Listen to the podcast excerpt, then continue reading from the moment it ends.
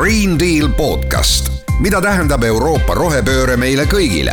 saade valmib koostöös Euroopa raadiote võrgustikuga Euronet pluss, mõista Euroopat paremini.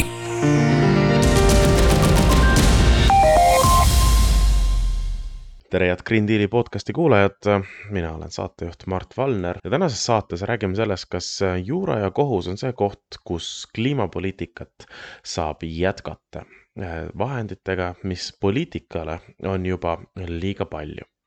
mul on hea meel, et äh, minuga rääkis sellel teemal Keskkonnaõiguste Keskuse jurist Triin Jäädma.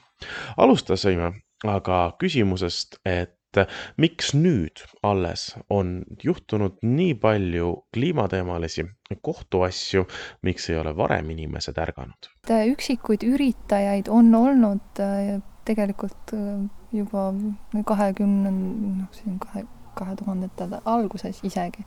aga nüüd on see nagu tõesti võimendunud ja ma arvan, et tänu sellele, et üks asi on see Pariisi kliimalepe, annab konkreetsema aluse äh, kohtusse pöördumiseks aga ka muidugi see on jõudnud paljude inimeste teadvusesse paremini.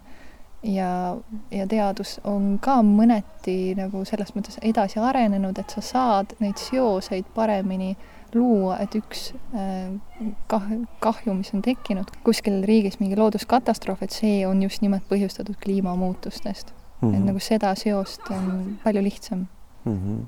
Äh, luua, jah. aa, aga see, et IPCC otsustas, mis see raport, eelmine suvi tuli see raport, eks ole, osa, et äh, kliimamuutus, et praeguses seisus on noh, vaieldamatult teaduslikud faktid inimtekkelised.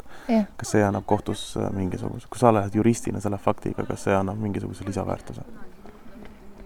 ma arvan, et see annab sellise inimlikuma lisaväärtuse, sest et tegelikult need tõendid on olnud äh, juba kliimakaitsjate poolel ikka väga ammust mm -hmm. aega aga, aga võib-olla see kohtunikule see jõuab paremini, veel paremini kohale.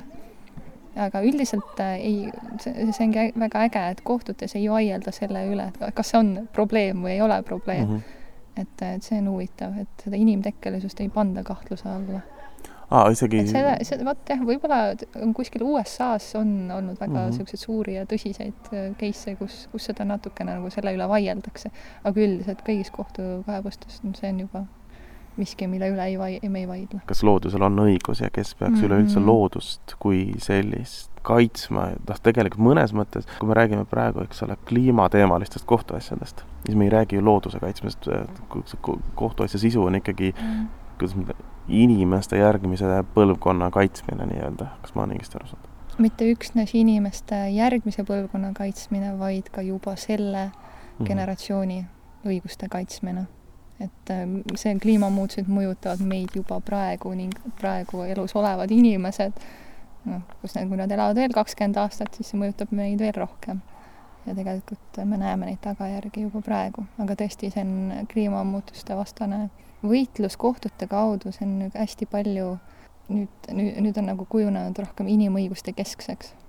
aga otse loomulikult tuuakse ka teisi argumente ja näiteks väga, mulle õudselt meeldis üks äh, lahend Kolumbiast, see oli vist kahe tuhande kaheksateistkümnendal aastal, kui kohus, kui mindigi, keskkonnaaktivistid läksid kohtusse just nimelt äh, vihmametsa kaitseks. Ja kohus äh, mitte üksnes ei öelnud seda, et, et jah, et see metsa kaitsmine on vajalik ka kliimamuutuste aspektist, aga ka sellepärast, et sellel metsal on ka oma õigused et mm -hmm. loodusel on ka oma õigused. meil mingid objektid on veel, Austraalias vist anti millegile ja kas oli mingi jõgi Austraalias sa mäletad õigesti, mis see oli? ja see liikumine on ka väga-väga mm -hmm. jõudsalt mm -hmm. edasi minemas ja nüüd äh, tegelikult ka Euroopasse on see jõudnud. et näiteks praegu on väga-väga lähedal sinise Mar Menori ühe väike laguun Hispaanias, sellele antakse selle õiguse tunnustamine on väga lähedal sellele, et see saaks nagu ka seadustes, seadustesse kirja. no mis siis saab sellega? mis siis saab, kui sulle antakse, et siis ei tohi sinna, kui sa viskad arvan, sinna prügi maha, siis see kvalifitseerub isiksusevastase kuriteona? no, no vot, see ongi huvitav küsimus. seal on pigem selline mõtteviisi muutev jõud ja sümboolne väärtus. et ähm, võib-olla ta nagu õiguslikult ei teegi midagi nii palju rohkemat kui mm, -hmm. kui see, mis meil juba siin Euroopas on, sest tegelikult meie looduskaitse no, regulatsioon on justkui tugev, otse loomulikult see rakendamine on, on, on nagu ta on, et, et paraku me kõik need näitajad lähevad järjest kehvemaks regulatsioon, regulatsioonis on mingid, mingid puudused, aga see on nagu maailma mõistes on ta ikkagi üpris tugev ja tegelikult äh, praegu Euroopa Liit valmistab ette ühte väga mm, väga tugevat määrust, et looduse taastamise määrus, mis ongi, mis ongi suunatud sellele, et hüvitada, heastada see kahju, mis on tekitatud loodusele mis mingil määral on ju täpselt see, mida ka nagu in-, nagu inimestele kuuluvate õiguste puhul tehakse, et sa hüvitad kahju sellele isikule mm -hmm. Ja samuti nagu loodusele me suudame juba huvit-, hüvitama kahju. meil on olemas regulatsioonid, et,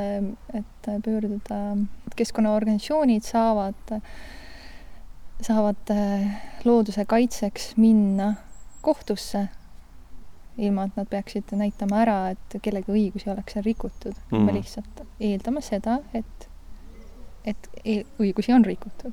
noh, me ei räägi siin just loodusõigustest, aga, aga keskkonnaorganisatsioonid saavad neid esindada. Nii, et mingil määral me võime ju mõelda, et okei okay,, nad esindavad looduse õigusi juba praegu.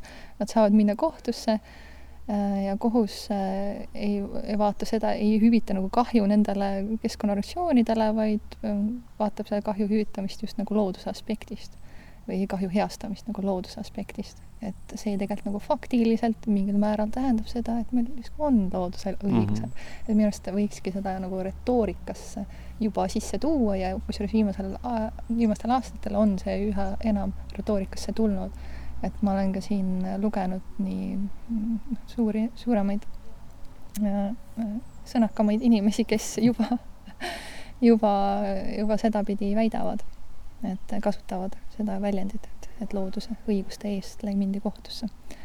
ehkki noh, siin tegelikult legaalselt meil regulatsioonides meil ei ole neid mm -hmm. kirjas ehk siis see, see on natuke erinev sellest kliimamuutuste vastu kohtusse minemisest, eks ole, et siis see on, see on siis, ma kujutan ette, et see on mingi kohaliku näit-, noh, reostus on alati kõige lihtsam asi, mida vist äh, näitena tuua, ma pakun.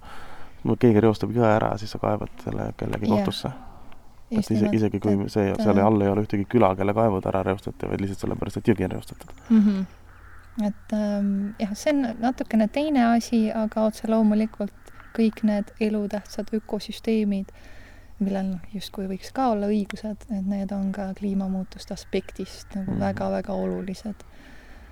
et nii selleks, et meie suudaksime nende kliimamuutuste mõjusid äh, paremini leevendada, et meile see ei tuleks nii suure lopsuga äh, kaela, aga ka sellepärast, et, et need ökosüsteemid ise äh, kannatavad väga-väga palju muidugi mm. -hmm. miks te noortega ei ole Eesti riiki kohtusse kaevanud?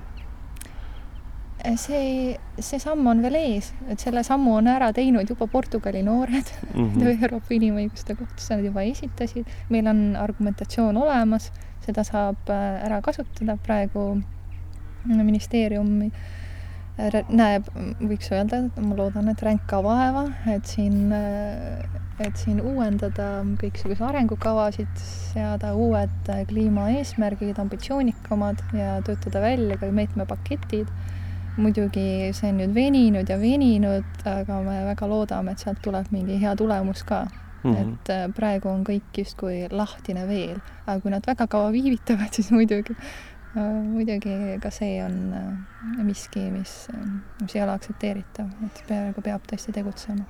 ja kui me näeme, et nad tegutsevad, siis ähm, võib-olla see ei ole kõige parem suund, et siin on ka teisi äh,, tegelikult teisi suundi, kus Eestis on nagu tõsiselt vajakajäämised, et võtame kas või raiemahtude teema mm. -hmm kui näiteks nüüd teie kaevaksite Eesti Energia mitte põlevkiviõlitehase pärast, aga sellepärast, nagu a la see Shelli kaasus oli, et nad on suured heitjad, eks ole, kohtusse, nad ütleksid, et meil on selline arengukava juba olemas, kas see on siis, kas kohus ütleks, et okei okay,, näed, neil on arengukava olemas, me ei pea, nad ei pea rohkem midagi tegema?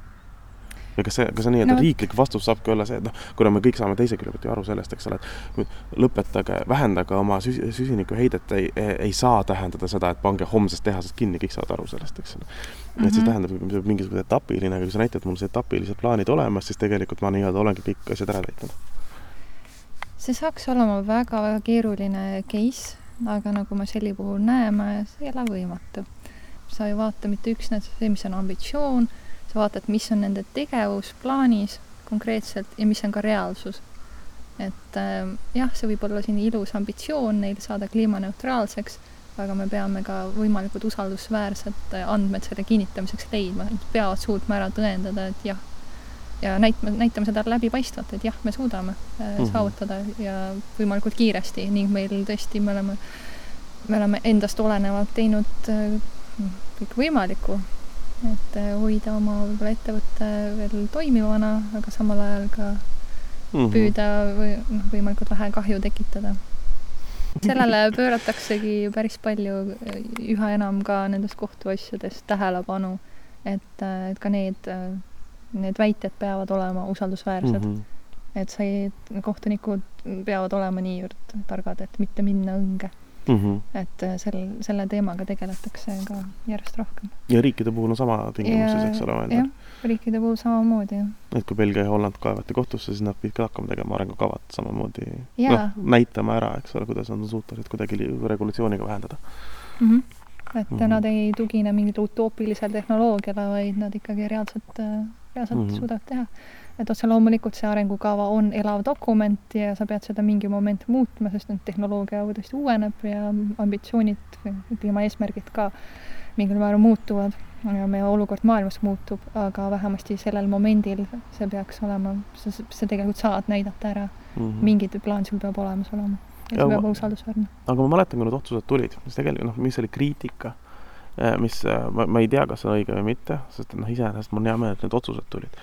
Aga noh, peamine kriitika selle vastu oli see, eks ole, et riigi juhtimine on poliitika ja kohus ei saa mm, -hmm. kohus ei saa ri-, sekkuda poliitikasse, et see peab olema poliitiline otsus, kas meil on ju oma tulevasest põlvkonnast äh, ükskõik või mitte, eks ole, see peab olema nii-öelda poliitiline mm. otsus ja kohus, kohus ei saa sinna sekkuda. noh, ma ei oska seda kuidagi kommenteerida, aga, aga kas on, aga kas kohus, noh, kuna kohus ja poliitika on ju lahus, eks ole, me räägime võimuduse lahususest. kas kohus, kohtul on õigus sekkuda riigi poliitikasse? No vot, et teatud ulatuses ta saab sekkuda nii palju, tähendab poliitikas ta ei sekkugi, aga vähemasti mm -hmm. kliimaküsimustes ta saab sekkuda nii, nii kaugele, nagu seadused äh, lubavad. et äh, kui, kui me räägime seal Hollandi Urgenda äh, kaasusest, siis seal oli nii, et äh, kohus ütles, et see, et tead, et nii ja nii sugune, nii suur kasvuhoonegaaside heite vähendamine on inimeste õiguste kaitse kohustuse nagu miinimumnõue mm. -hmm. et äh, hea küll, me ei saa öelda, mis peaks olema teie meetmed, me ei saa öelda, et kui, et te peaks olema nüüd märksa ambitsioonikam, aga vähemalt see on miinimumnõue ja seda tuleb täita. ja meetmed on teie enda teha, et meetmetesse tegelikult enamasti nagu kohtud ei sekkugi mm. -hmm. see on tõesti poliitikute pärusmaa, aga et inimõiguste kaitse miinimumkohustused, need oleksid täidetud mm. -hmm. jah et okay. see, need on need seaduse raamid ja see on demokraatliku protsessi käigus meil paika pandud ja samuti ka kohtuotsus, et neid tuleb austada, austada, et see on ka osa meie demokraatlikust protsessist.